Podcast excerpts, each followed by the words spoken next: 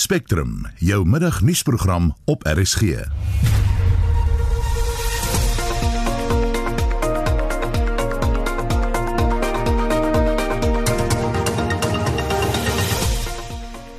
die program Emosies het gister hoog geloop by 'n vergadering tussen die minister van Polisie, boere en plaaswerkers in KwaZulu-Natal. Ons kry terugvoer oor wat daar bespreek is. Nomsa sê die regering is onverantwoordelik om geld aan die SAL te gee sonder 'n befondsingsmodel. It's quite disgraceful that 9 months in we still don't know where the money is going to come from. En die Khoisan organisasie dak nadat die Menseregte Kommissie oor 'n tekening van die Khoisan wat 'n boks wyn verskyn.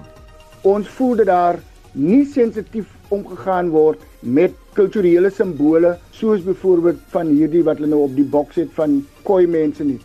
Goeiemiddag, welkom by Spectrum. My naam is Susan Paxton.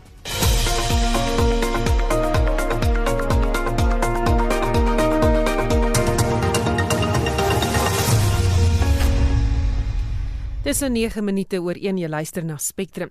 Emosies het gister hoog geloop by 'n vergadering tussen die minister van Polisie, Bekkie Cele, boere en plaaswerkers in Normadien in die noorde van KwaZulu-Natal. Cele het met die boeregemeenskap gepraat oor voortdurende knelpunte. Boere en plaaswerkers het bekommernisse uitgelig oor beweerde onregverdige behandeling deur die plaaslike polisie. Ons praat nou met Agres as se voorsteur van veiligheid, Tommy Estreise. Goeiemôre Tommy. Goeiemôre Susan. Het julle enige terugvoer gekry oor hoe daardie vergadering afgeloop het? Ja, ek het ek was in gesprek met ons hoofuitvoerende beampte by KwaZulu-Natal. Wie vir my sê dit is dis half jammer dat hierdie een insident uitgehaal is. Maar ja, dit is ook nie bevorderlik vir samewerking nie. Uh daar is byvoorbeeld ook uh, aantuigings gemaak van swak dienslewering deur die polisie daar en so meer wat nie in die media aangehaal is nie. Maar ja, Agri Suid-Afrika voel die opmerking Who do you think you are, dear Minister Bekkie Cele teenoor Roland Koller, 'n boer van Normandy in, in Natal, is neerhalend en onvanpas. Daar's geen regverdiging vir sulke woede uitbarstings of neerhalende uitsprake deur die minister nie. Wat veronderstel was om 'n konstruktiewe gesprek tussen die landbougemeenskap en die minister van polisie te wees, het nou in 'n publieke uitval ontaard. En dit kan ons nie bekostig nie. Ons het die afgelope tyd 'n verandering in die politisie ervaar 'n meer simpatieke benadering vir landelike veiligheid. En nou ontaard hierdie en dit was die doel van die minister se Imbizo. Nou ontaard dit in in 'n politieke ry. Ons kan dit nie toelaat nie. Ons moet meer konstruktief wees en ons moet aan die probleme daadwerklike aandag gee. Gaan julle die saak verder voer? Ons gaan ons is reeds in gesprek. Ons gaan daarna kyk. Ons beoog ook 'n persverklaring in die verband. Ehm um, jy sê Tele moet ook bedank word. Ja, uh, uh, kyk, hy hy het uitgereik na ons toe. As ons kyk na die die die die die uh, uh sien 'n landelike beveiligingsstrategie wat bekend gestel is. Daar is reeds vordering gemaak met die implementering daarvan. Waarvoor ons dankbaar is, maar ons sal graag wil sien dat daar vinniger vordering gemaak word en dat dit vinniger toegepas en in werking gestel word op grondvlak. Hm. Boere by die vergadering sê die oorsake van voortdurende spanning is weens onafgehandelde grondhervormingskwessies. Stem jy saam? Dit is een van die bydraende faktore waarvan ek bewus is en dan het ons ook eh, 'n uh, kwessie van ou sake wat reeds deur die hof is klaar ondersoek is en afgehandel is wat nou opgehaal is wat wat die minister te kenne gegee het dat dit weer onder heropen en weer ondersoek moet word. Daar is ook berig dat plaaswerkers gekla dat hulle sleg behandel word deur boere. Um, julle reaksie daarop? Nee, weet jy, dit is soos soos jou jou bad apples wat jy binne in die polisie kry, dan is die hele polisie mag swak. So het ons maar ons probleme in landbou ook. Maar ons dra nie kennis daarvan nie.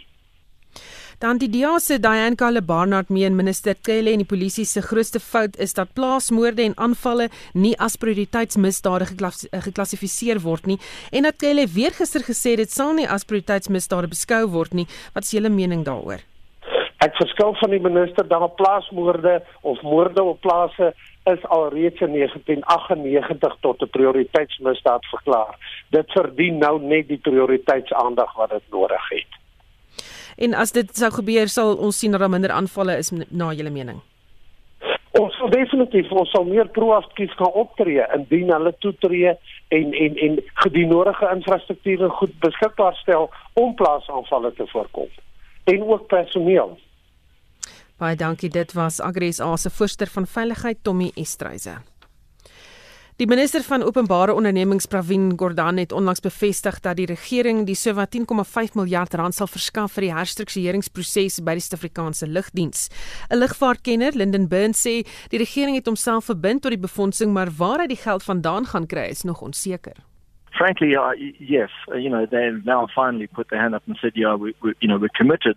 Where they're going to get the money from remains to be seen. You know, they're clearly going to have to take it away from somewhere else, from another department or another function in government, because you know there just isn't the money to go around, and the fiscus can't really justify it. And we've got a roughly a 500 billion rand deficit that we've got to also try and sort out and close that hippopotamus's mouth, as the finance minister says. My big worry, though, is that you know, so we put in another 10 billion or so. What about the next 25 or 30 billion that's still got to come after that? Because it's one thing.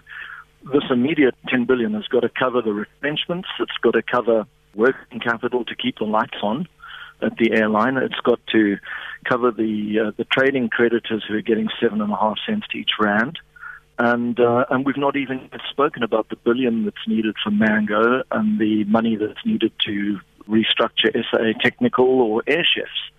That's an additional. Um, uh, it's it's it's nearly 1.5 billion uh, that's needed just for those three. So this isn't going to be the end of it. This is just the start in terms of money that's going to have to be found to keep this airline going. Ben sê verder dat wie die beheerende aandeel in SAL het, beïnvloed tans ook privaat beleggers se belangstelling in die transaksie. First of all, the law would have to be changed. Can't take 51% of SAA because it also is a domestic operator, in which case the conservative ceiling applies, which means there's a limit to 25% uh, sorry, a foreign investment. If, if we could find local investors, fine, fair enough. But whether government will cede that much of uh, control and management to investors remains to be seen. And how do you marry what investors want, which is a return on their investment, a better return on them putting their money elsewhere, with what government wants, which is an ideological thing, which is this kind of development mandate, which is very woolly and not very clearly explained and the two just you know are going to be almost impossible to marry up when you've got you know two rival mandates and, and strategies at play. Die woordvoerder van Nomsa, Pakamile Hlubi Majola sê, dit is baie onverantwoordelik van die regering om nie reeds 'n behoorlike befondsingsmodel te hê om die herstruktureringsproses deur te sien nie. I think for us as Nomsa and SACA, we are deeply distressed by the fact that after government took a decision in December to embark on voluntary business rescue and promised that it would fund the rescue process. You can't undergo business rescue without actually knowing that you can fund it. It's quite disgraceful that nine months in, we still don't know where the money is going to come from. And the people who are suffering the most because of this failure by government are workers and their families.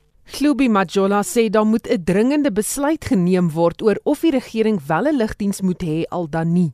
We obviously are a, a trade union which is Marxist Leninist inspired and we would prefer a state owned SAA.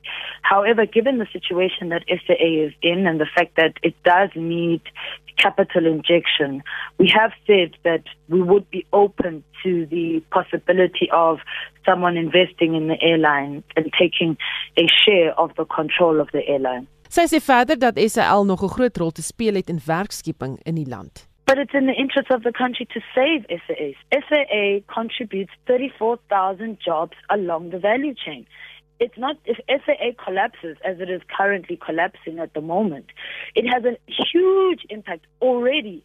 Air Chefs, SAA Technical, and a whole range of even bid air services and other companies that depend on SAA's existence are actually struggling at the moment because SAA is in the crisis that it's in.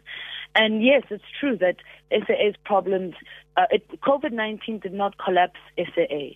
It was collapsed by years and years of mismanagement and corruption. This is an airline that could be and should be viable. The only reason we're here today is because the people who were tasked with running it, and namely the board and the senior executives, did not do what they were supposed to do. Dit was die woordvoerder van Nomsa Pakamile Globe Majola. Die ANC in Gauteng sê hy is nog besig met sy ondersoek na die multimiljoen rand tenderskandaal waaraan van sy lede betrokke is. Die Gautengse ALR vir gesondheid, Bandile Masuku en sy vrou Loviso en die presidensiële woordvoerder Kusela Diku word almal betrek by die persoonlike gesondheidstoerusting tender korrupsie saak. Masuku sê glo die tenderproses beïnvloed het sodat die kontrak van 125 miljoen rand na Royal Baka Pro Projects toegeken word. Die maatskappy behoort aan Kuselo Diku se man Tandisiwe. Die ANC se provinsiale uitvoerende komitee ondersoek die saak. Die woordvoerder van die komitee, Jacob Kawe, sê dat daar nog geen uitkoms is oor die kwessie na die afgelope naweek se vergadering nie. Allegations as raised in the media. And the people will then debate along those principles. But at the end, we need to take a decision that is in the interest of the people and in the interest of the ANC. So robust does not necessarily represent divided. In this case, nobody is fighting against the fact that this has happened during a period that was so unfortunate for all of us of the pandemic. Nobody is debating the facts around the allegation of what has happened in the health department, but others are debating the fact that you also need some level of natural justice when you engage on some of these issues. So we are not yet at a point where we can come here and say we are divided on this matter. Kawe sê die kommissie ondersoek die saak baie deeglik. You're reading a summary of a detailed engagement that demonstrated that it means the report would have not been that easy to allow you to take a decision. If people were able to discuss from Sunday to Monday, showing gaps, showing things that they think the report is omitting, but others showing that the the areas of decision making make us found wanting. I don't think it represents a crisis. We are 56 in the meeting and 33 people were speaking in a virtual, which perhaps an individual takes between 6 and 10 minutes. And it can tell you how you can arrive into a, a, a long meeting. Kawe sê hulle sal nie deur eksterne faktore beïnvloed word in hulle besluitneming nie. We fortunately have always taken a posture in the province uh, to deal with the provincial issues in a manner that reflects and serves the interest of our province. At no stage in our meeting, the national pressure was an issue, and we are consistent in the implementation of that decision. Additional to it, our own commitment in our province, because we note how we came to power in this province, and we will never be arrogant in power. And that's why we don't get influenced easily by national politics, but we get more influenced by what will serve the ANC in Gauteng. En dit was die woordvoerder van hierdie ANC komitee, Jacob Kawe. Die Khoisan organisasie DAK het 'n klag by die Menseregte Kommissie ingedien oor 'n tekening van die Khoisan wat op 'n boks wyn van Namakwa wyn aangebring is. Es de Klerk doen verslag.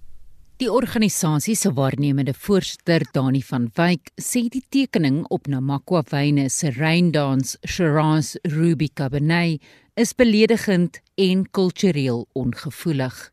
Ons voel dat daar nie sensitief omgegaan word met kulturele simbole soos byvoorbeeld van hierdie wat hulle nou op die boks het van koi mense nie. En dit is ook 'n kwade dag as Suid-Afrika of maatskappye in Suid-Afrika hierdie kulturele simbole dan gebruik om hulle produkte te adverteer. Die blote feit dat dit 'n wenketiket is, maak dus van hierdie geestelike ritueel soos op hierdie boks uitgebeeld 'n totale bespotting. Verder is dit onsensitief en 'n uiters swak smaak. Van Wyk sê Suid-Afrikaners moet mekaar se tradisies en kulture respekteer. Dit is vir ons duidelik dat die maatskappy se advertensieafdeling nie na behore hulle huiswerk rondom die uitvoering van hierdie reendans gedoen het nie. Ons bevind ons in 'n diverse Suid-Afrika met multikulturele en godsdienstige samelewings en daarom is dit so gebiedend noodsaaklik om 'n sensitiwiteit vir mekaar se rituele en kulturele erfenis te hê. Sou na Makwalandwyne byvoorbeeld vir ons genader het voor hulle met hierdie advertensieveld tog begin het, sou ons hulle kon inlig die sensitiwiteit rondom dit. Van Wyk sê hy het 'n poging aangewend om met die bestuurende direkteur van Namakwa Wyne, Koos van Duyk, oor die kwessie te praat. Ek het verlede Vrydag die bestuurder van Namakwa Wyne, meneer Koos van Duyk geskakel om met hom 'n afspraak te maak om hierdie sensitiewe onderwerp met hom te bespreek. Meneer van Duyk het geweier om na my te luister en het die telefoon in my oor neergeplak. So met die gevolg ons, ons kon nie verder gaan met 'n gesprek nie wat eintlik 'n baie kwade dag vir ons is omdat ons in alle opregtheid wil probeer het om hierdie kwessie aan te spreek. Die organisasie oorweeg nou verdere stappe, sê van Wyk. Ons het 'n klag by die Menseregte Kommissie ingedien en uh, ons sal nou kyk wat hiervandaan verder vorentoe gebruik. Dit is ook ons versoek dat Namakwa Wyne hierdie omslag op hulle boks onttrek en dit vervang met iets wat meer betrekking het op die produk wat hulle dan nou verkoop, naamlik wyn. Die bestuurende direkteur van Namakwa Wyne, Koos van Duyk, was by navraag van Spectrum nie beskikbaar om kommentaar te lewer nie, omdat hy reeds sedert gister in 'n direksievergadering is. Ek is Estie de Klerk vir SAK nuus.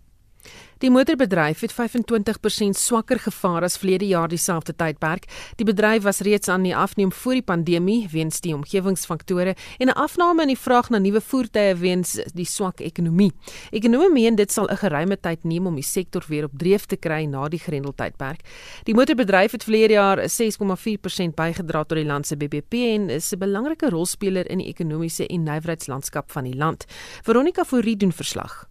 Die motorvervaardigingsbedryf wat die bou van voertuie en komponentevervaardiging insluit, verskaf meer as 100 000 werksgeleenthede. Suid-Afrika se motorbedryf is op uitvoer gefokus. Europa is die grootste handelsvernoot en skaf meer as 64% van die voertuie en komponente aan. Die COVID-19 pandemie het die sektor hard getref. Die verkope van nuwe voertuie het byvoorbeeld met byna 30% gedaal in Maart vergeleke met verlede jaar dieselfde tyd. Maar Isuzu woordvoerder Denise van Huisteen sê die bedryf is aan die herstel. From an Isuzu perspective, despite the current downward trend in domestic vehicle sales in South Africa, we have performed better than expected in the market. Last month was our best Isuzu D-Max sales month in 14 years. On the truck side, our share of the medium and heavy commercial uh, vehicle market, excluding van and bus, is currently tracking at almost 13% year to date. So far, we have retained our number one position in the segment of the market and plan to retain this position in 2020. These positive sales performances, despite the current downward trend in domestic vehicle sales in South Africa, can be attributed to the Isuzu team's agility, flexibility, and resilience to proactively and positively respond to change. Die afname van die verkoop van nuwe voertuie plaas geweldige druk op handelaars. Mike Mabuse van Namsa sê die kleiner deelnemers kry die swaarste. Our biggest priority now is to be able to assist as much as possible as we can those particular companies so that they can be able to restore their operations fully uh, because now most of the restrictions have now been lifted. Secondly, we are also looking at how best we can be able to stimulate demand uh, for brand new cars uh, in our country. And we will certainly be talking to government so that we can be able to jointly look at alternatives so that we can really be able to stimulate demand for new vehicles. Die produksiemikpunt vir vanjaar voor die pandemie was 650 000 voertuie.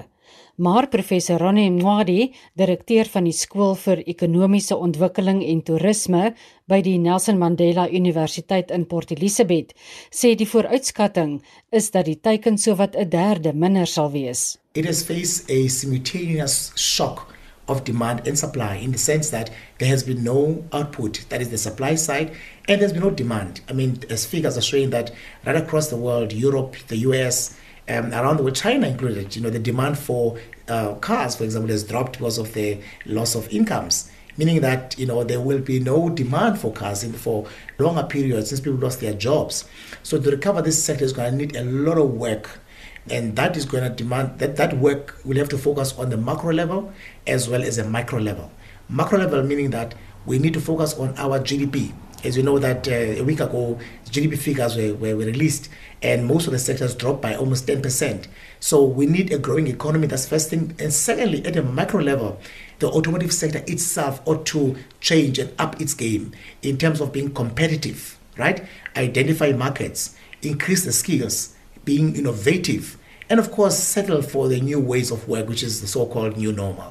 Die adjunkminister in die presidentskap, Tambo Sewia, sê die regering steun die herlewingsplan. The reality is that COVID is going to be with us for a very long time. What you have seen is that ministers and deputy ministers are across all over the country engaging various stakeholders to ensure that they work with government, just like they started working with us when the pandemic was declared by the National Command Council. Now, what is happening is that a visit of today is the continuation of us having engaged communities, traditional leaders, and other sectors, and today is the private sector, to ensure that all of us work together. It will not be possible to implement it if it's done by government alone. Ondanks die harde werklikheid van die ekonomiese impak as gevolg van die virus, bly die bedryf positief om te herstel. Veronica Fourie in Port Elizabeth. Drie polisiebeamptes wat in hegtenis geneem is in verband met die moord op 'n tiener van Eldorado Park, Nathaniel Julies, het weer vandag in die Protea Landdroshof in Soweto verskyn. Hulle staan tereg op aanklagte van moord, die besit van verbode ammunisie en regsveruideling. Die 16-jarige Julies, wat Down-sindroom gehad het, is verlede maand in die Chris Hani Baragwanath Hospitaal dood nadat hy naby sy huis geskiet is. Ons praat met ons verslaggewer wat die hofverrigtinge bygewoon het, Prabashni Moodley.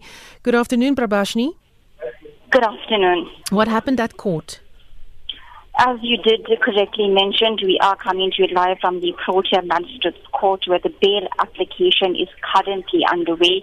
This of the three police officers that have been arrested and subsequently charged for the murder of 16-year-old Nathaniel Julius. Some of the charges that they're in fact facing now are that of murder, discharging a firearm in a public space, possession of the ammunition and defeating the ends of justice. That thus far we've heard their respective attorneys read out their bail application affidavit. Um, and the most interesting one so far is that of accused number two, that's Kaylene Whiteboy. And she did in fact tell the court that she completed her training in 2008 and has been working on probation with SAPS uh, she's now a detective with SAPS, and she did in fact tell the court that she intends on pleading not guilty. Uh, she told the court that she did not intentionally discharge the firearm, um, and she first intended to discharge rubber bullets, and she did not know that her firearm actually contained live ammunition. She told the court that she received death, death threats from her co-accused, that being accused number one and that he allegedly told her that if she told the, the, the truth in court, that she would actually uh, be killed. She's uh, telling the court or alleging that she's being framed by her co-accused because they in fact gave her the gun with live ammunition when she in fact thought that there were rubber bullets uh, in, in, in the rifle. There were some major delays at the court this morning. What were the reasons? There were serious delays at court this morning. We arrived very early this morning and proceedings only got underway well after 12 o'clock today. Uh, there were a few other matters that, that the court heard before that, but there are obviously large, large groups of community members that have gathered at, at the court uh, and have filled the court precincts this morning, as well as a lot of media uh, that are here. Obviously, you know it is, it is quite a big case, and it's garnered a great garnered a great deal of media attention. So there are lots of photographers, journalists, and, and media from every sector here. So there were too many community officials and too many media uh, journalists in court, and the court had the courtroom had to actually be evacuated, and then they only allowed certain uh, officials, certain media officials and cameramen into the court. But the major delay was that there were too many of us, too many community um, officials that were here, and then obviously because of COVID-19 regulations, the courtroom cannot be packed to capacity. Hmm. Now, during the delays, as you say, there were a lot of people outside. Could you speak to some of these community members or officials? So, we did uh, speak to some of the community leaders uh, and community organizations that are here today. You know, this case has angered the community of El Dorado, Park greatly. they are basically calling for bail to be denied for all the suspects. You would remember that uh, the police version of what happened uh, compared to the community version is obviously uh, there's obviously a difference in that the community is actually alleging that uh, you know this child was killed intentionally so they are quite angered. You know, they've come out. Some of them were, uh, were politically political party aligned outside the courtroom this morning. Others have worn T-shirts. There were also people from uh, the Down syndrome organization of South Africa that were here because you would know that the, the teenager did in fact have Down syndrome. So the community are quite up in arms, quite outraged, very angry about this incident, and ultimately they are calling for justice. So, what's going to happen this afternoon? So we understand after this short adjournment, which should uh, be ending uh, in the next few minutes, the bail, bail application is expected to continue. So we're going to hear uh, the state prosecutor actually respond to the affidavits that have all been read out by the various attorneys representing the city accused. So this afternoon we're expecting the bail application to continue. Baie dankie, dit was ons verslaggewer Prabashni Moodley wat vandag se hofverrigtinge bygewoon het. Jy luister na Spectrum elke weekmiddag tussen 1 en 2. En die program Agresa se voorsitter van veiligheid Tommy Estreisen sê die vergadering gister tussen die minister van polisie en boere en plaaswerkers in Normadien en KwaZulu-Natal het vrugte afgewerp, hoewel mense nou op een slegte voorval fokus wat veronderstel was om 'n konstruktiewe gesprek tussen die landbougemeenskap en die minister van polisie te wees, het nou in 'n publieke uitval ontaard. En dit kan ons nie bekostig nie. Ons het die afgelope tyd 'n verandering in die politisie ervaar, 'n meer simpatieke benadering vir landelike veiligheid. En nou ontaard hierdie en dit was die doel van die minister se Imbizo. Nou ontaard dit in in 'n politieke ry. Ons kan dit nie toelaat nie. Ons moet meer konstruktief wees en ons moet aan die probleme daadwerklike aandag gee. En net hierna fokus ons op die omgewing met nuus oor Wêreldrenosterdag en die blommepragt in Namakwaland. Bly ingeskakel. Daar is geen verkeer. In Gauteng Pretoria staan 'n voertuig op die N1 Noord net na die Linwoodweg afrit in die linkerbaan. Daar was ook 'n botsing op die R21 Noord net voor Olifantsfontein weg. Twee bane is toe daar. In KwaZulu-Natal staan 'n voertuig op die N2 Suid net na die Queen Nandi Rylaan afrit. Linkerbaan is toe daar. En daar, uh, o, dis dieselfde een is voertuig wat daar by Queen Nandi Rylaan staan op die N2 Suid. En dit is jou verkeersnuus.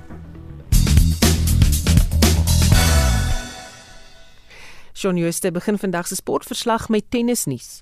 In die eerste ronde van die Hamburg Ope in Duitsland het die Spanjaard Roberto Bautista Agut in twee stelle teen Nicolas Basilashvili van Georgië geseëvier. Die Rus Karen Khachanov speel later teen die Duitser Jan-Lennard Struff. Op die cricketveld pak die Rajasthan Royals en Chennai Super Kings mekaar vanmiddag 4uur in Sharjah in die IPL reeks. Ons behoort die Protea spelers David Miller vir die Royals en Faf du Plessis en Lunking Giddy vir die Super Kings in aksie te sien. Sokker Vanaand in die derde ronde Liga beker wedstryde waarin Premier Liga spanne betrokke is, is 7uur Leyton Orient teen Tottenham Hotspur, 8uur West Brom teen Brentford, 09:30 West Ham United teen Hull en kwart oor 9 Luton teen Manchester United. Rugby. Die twee Blitsboks spelers, Selwyn Davids en JC Pretoria, het die wêreld sewes droomspan vir die 2019-20 seisoen gehaal. Davids het 109 punte aangeteken en Pretoria het 13 drie gedruk. Die span is ook deur twee spelers van Fiji en een elk van Nieu-Seeland, Ierland en Frankryk opgemaak. En laastens in motorsportnuus. Die organiseerders van Sondag se Russiese Formule 1 Grand Prix in Sochi het aangekondig dat die 30000 kaartjies vir die wedren uitverkoop is. Daar word ook verwag dat 20000 toeskouers by die Duitse Grand Prix op 11 Oktober en sowat 13000 by die Grand Prix in Imola op die 1 November toegelaat sal word. Dit was Shaun Jooste met RSG Sport. Terwyl die wêreld fokus op die stryd teen die COVID-19 pandemie, duur die stryd teen wildstropery en veral renosterstropery steeds voort. Vandag 22 September is wêreldrenosterdag. Die tema is Keep the Five Alive wat verwys na die vyf renoster spesies. Beneide Bot, een van die vervaardigers van die dokumentêr Stroop, hou 'n oog op die stropery probleem en ons praat nou met haar. Goeiemôre Beneide. Goeiemôre Susan. Die departement van omgewingsake maak gewoonlik op die dag die jongste statistiek bekend van renosterstropery. Het jy al enigiets gehoor? Weet jy, uh, Susan, die departement het nie vandag die renosterstroping sta, uh, statistieke bekend gemaak nie. Uh, soos jy ook nou genoem het, dit word gewoonlik gedoen op Wêreldrenosterdag, maar uh, die departement het wel so uur gelede 'n aanlyn media verklaring uitgereik oor hulle planne om 'n sewe integrale wildlewe sone uh, oor die land te implementeer. Daar is nie veel inligting hieroor gegee nie, maar ek dink die dramatiese afname in stroping tydens die nasionale staat van inperking en nou weer die sterk toename wat ons sien uh, na die hekke van ons nasionale parke weer oopgemaak het, het tot hierdie nuwe sone benadering langs ons ons grense gelei. Maar as ons 'n bietjie gaan kyk na getalle, uh, Susan, jy sal onthou die departement het einde Julie die stroopingstatistieke vir die eerste helfte van 2020 bekend gemaak met die opskrif dat stropery in die eerste helfte van die jaar met meer as 50% afgeneem het. Dis 'n vergelyking met met dieselfde periode in 2019. En ek dink die opskrif was so iets wat misleidend want die afname is natuurlik verwag met die nasionale staat van inperking. Uh, ons het van die strengste regulasies ter wêreld gehad. Grense was gesluit. Daar was geen internasionale lugvervoer nie. En, en dit het daartoe gelei dat uh, renosterhorings nie na Asië gesmokkel kon word nie. Wat natuurlik 'n groot faktor is om hierdie misdaad te verdraag. Maar soos ek noem, uh, dit is interessant dat geen statistieke vandag op wêreldrenosterdag bekend gemaak is nie. Goed dan uh, die beweging van renosterhorings uit die land uit as wat nou nie gebeur het nie soos as gevolg van vlugte wat gestop is of internasionale reis, het dit mense gestop om wel renosters te stroop intussen. Het uh, goeie nuus Susan want ek het met 'n hele paar private renoster eienaars gesels as ook die voorsitter van Proa die Private Rhino Owners Association, uh, Willem Jones. En dinge het vir my gesê steeds relatief stil wat betref renosterstroping op plase en en private reservate byvoorbeeld maar hulle bly egter bekommerd dat dit waarskynlik sal verander aangesien die ekonomiese uitdagings in die land net uh, baie individue sal dryf om natuurlike hulpbronne waaronder 'n osserhoring ook onwettig te benut deur dit as 'n 'n winsgewende geleentheid te sien.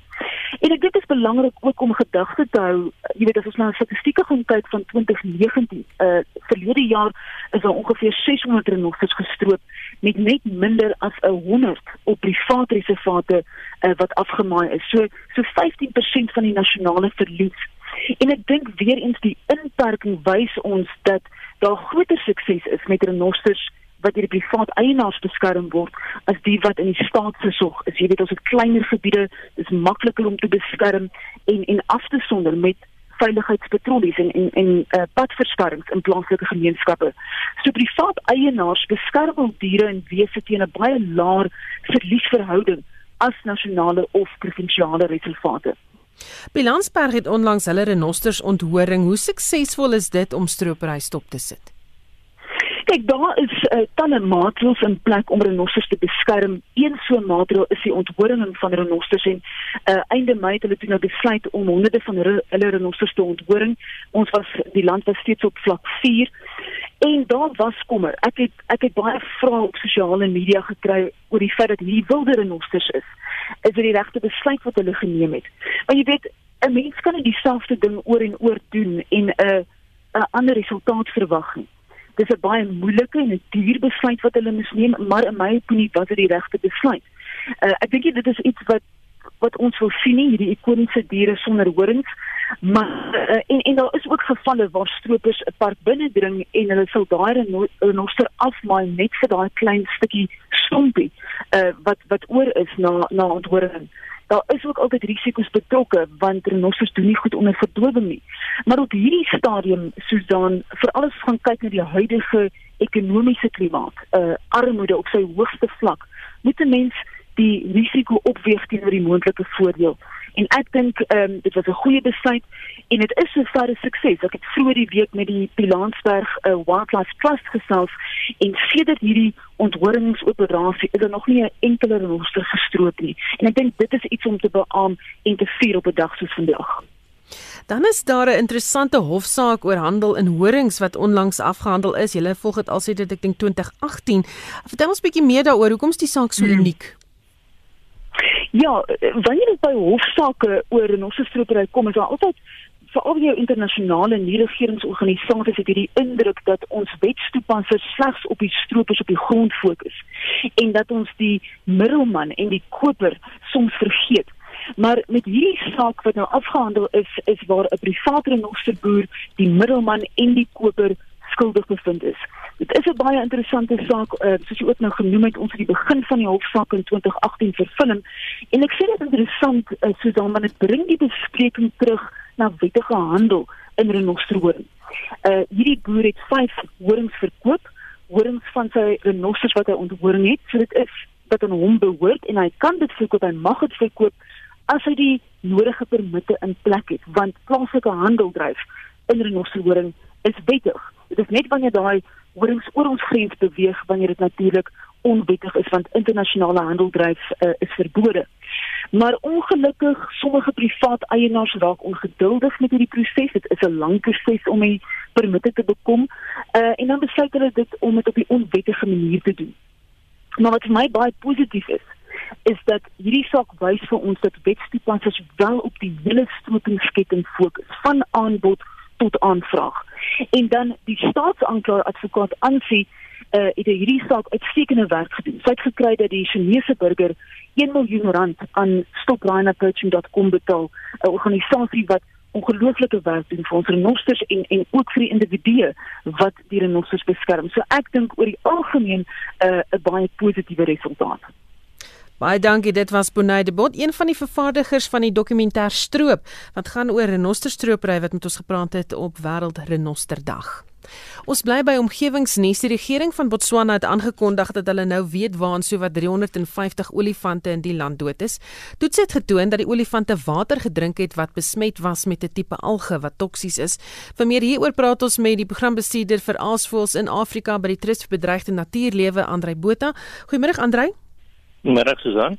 Jy het onder andere aanbeveel dat daar ondersoek ingestel word na die drinkwater van hierdie olifante. Hoekom het jy in die eerste plek gesê hulle moet daar gaan ondersoek instel? Man ek ek werk redelik wyd met met vergiftiging van van wild in die algemeen en uh, ek dink wat mense baie keer vergeet en en uh en ignoreer is dat sekere tipe vergiftiging wel natuurlik kan voorkom soos hierdie cyanobakterieë wat uh nou waar hierdie vrekkes na toegeskryf word.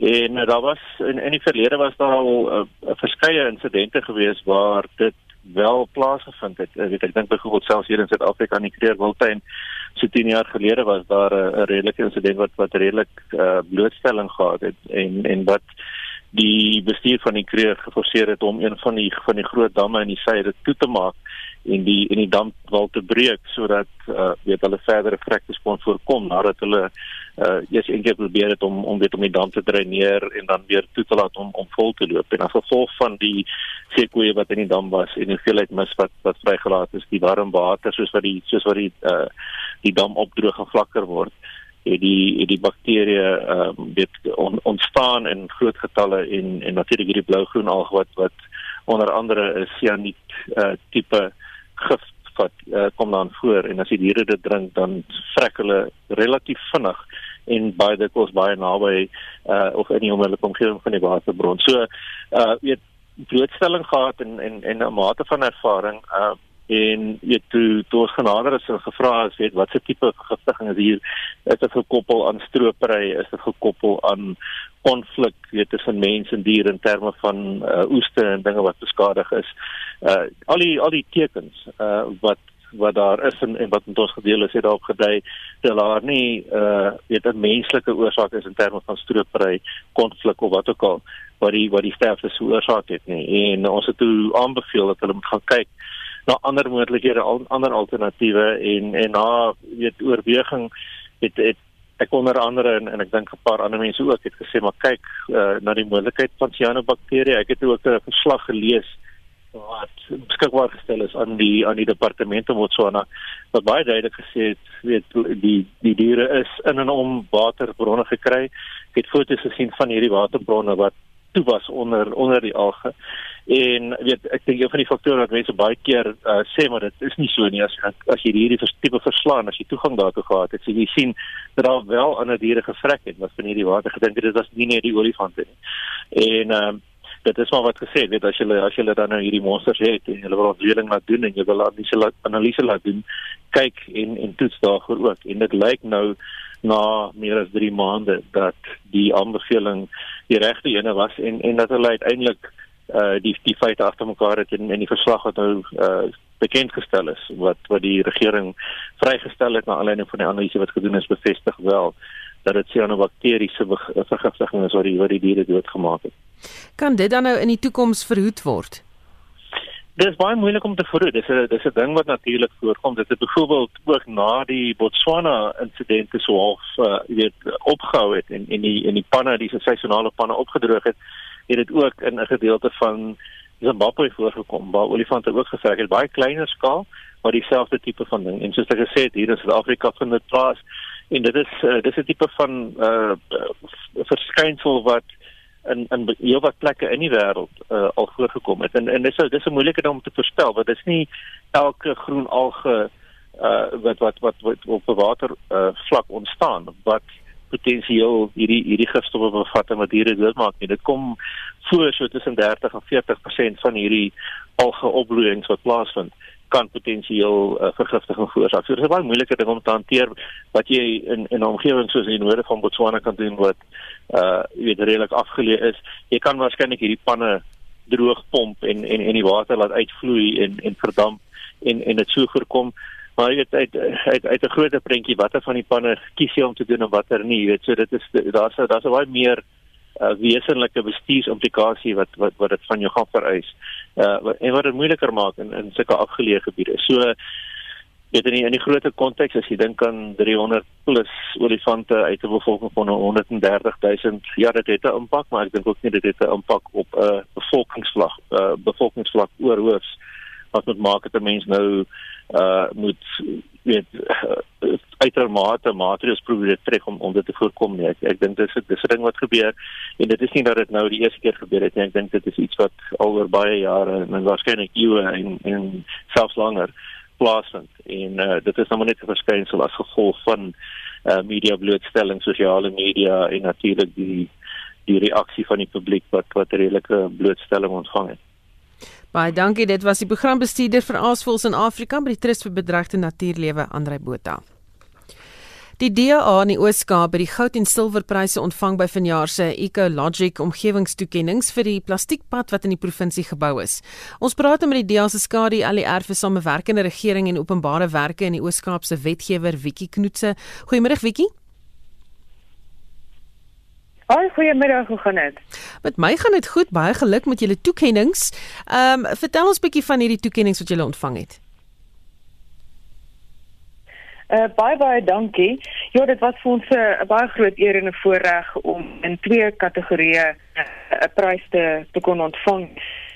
Uh, um, vir ons beteken dit werklik dat die pad vorentoe in terme van hierdie toekenninge en wat ons werklik probeer bereik ehm um, deur die pad wat ons gebou het in Suid-Afrika vir ons 'n uh, 'n baie groot ehm um, voordeel sal wees in die toekoms want ek dink dit maak dat ons eens nader daaraan is om hierdie idee te verander na 'n werklikheid in in Suid-Afrika waar meer munisipaliteite nou sal beoog om miskien van hierdie metode gebruik te maak in die toekoms.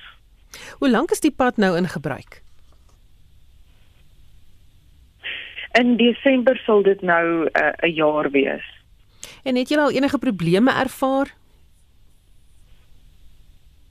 Nee, ons het nog geen sins enige probleme uh, ervaar nie en ons wag ook nie uh, om enige probleme te ervaar vir die, omtrent die volgende 20 jaar as die as die pad wel doen wat hoof is nie.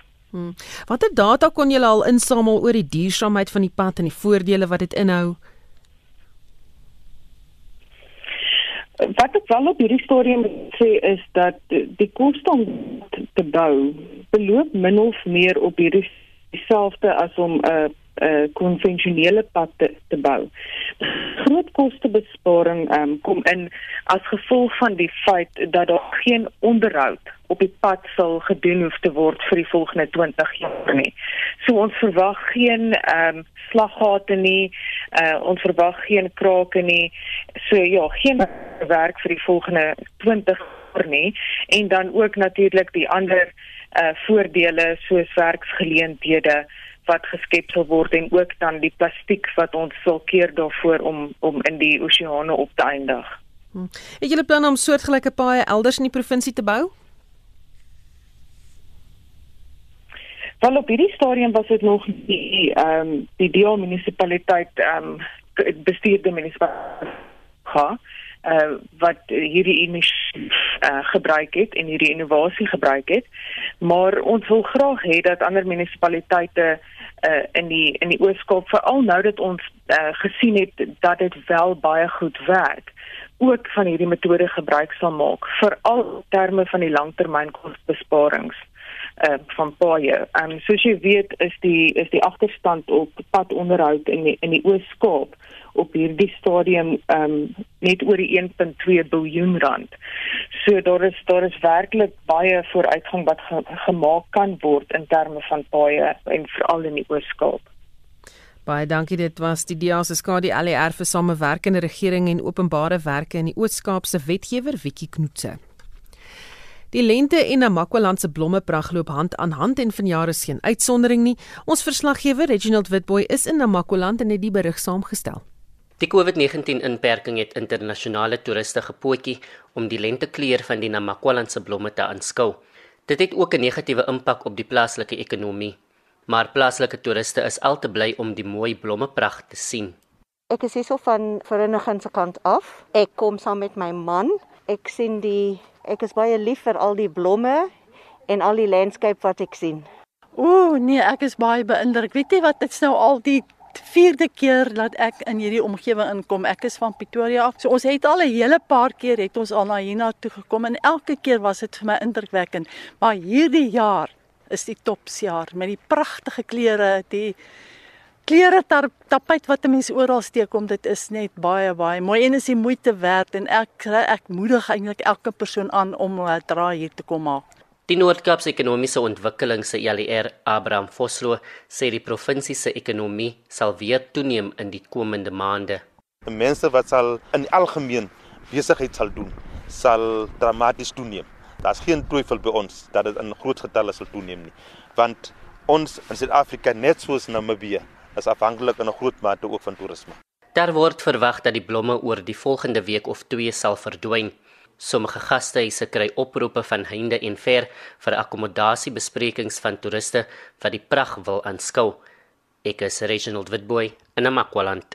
Luister na ons daglikse COVID-19 opdatering maandag tot Vrydag kwart voor 6 aangebied deur die Nasionale Departement van Gesondheid en SAIK opvoeding in samewerking met die Solidariteitsfonds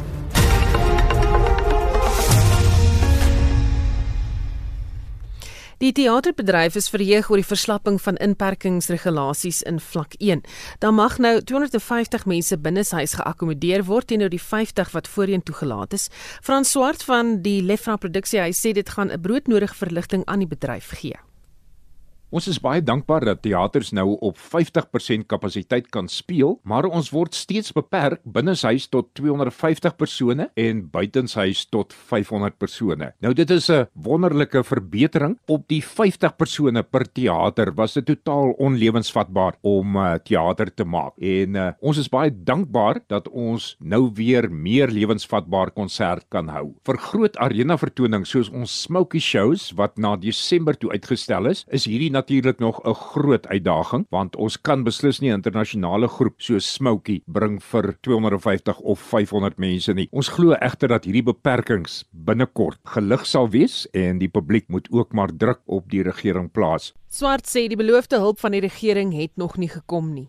Alhoewel ons dankbaar is vir die vergunning, moes ons baie sukkel die laaste 5 maande sonder enige teaterproduksies. Jy moet onthou, dit is ons almal se inkomste en as ons nie kon konsert hou nie, was daar absoluut geen inkomste nie. Tegnisi, akteurs, skrywers, verhoogpersoneel, almal in die vermaaklikheidswêreld sit tans sonder werk. Dis nou belangrik vir ons om dubbel soveel werk in te pas om die verliese van die afgelope maande terug te probeer maak. Nou ons het nog absoluut geen hulp van die regering gekry nie. En ek voel die regering sal na elke individuele teatermaatskappy moet kyk om te sien hoe kan die regering daardie uitvoerende kunste maatskappy help om uiteindelik weer teater te maak, om uiteindelik weer sy deure oop te maak. Daar was wel 'n versoekskrif aan die president gerig om alle venues so gou as moontlik oop te kry met die nodige COVID-19 regulasies. Die vraag is, hoekom 250 mense? Gaan nommer 251 jou wel aansteek? Teaters en teatergangers is baie verantwoordelike persone en die bestuure is baie verantwoordelik en gaan beslis niks onverantwoordeliks doen nie. Daar gaan gekyk word na al die COVID-reëls, sosiale afstand, maskers ensovoorts, maar ons versoek van die teaterwese is maak asseblief ons so gou as moontlik oop.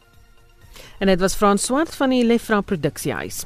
Ons groet namens ons waarnemende uitvoerende regisseur Hendrik Martin, die redakteur Justin Kennerly en produksieregisseur Lewona Bekes. My naam is Susan Paxton.